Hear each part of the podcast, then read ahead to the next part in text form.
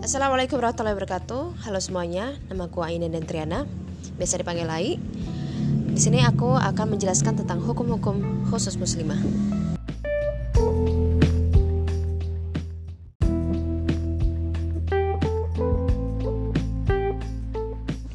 Pasal 1 Toharo Pasal ini akan membahas toharo atau bersuci bagi muslimah.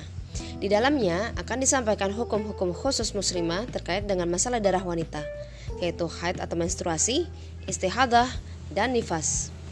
Inilah ciri khas wanita yang membedakan dirinya dengan pria. Seorang muslimah harus mengerti betul tentang ilmu ini, sehingga dia akan selalu menghadap Allah dalam keadaan suci.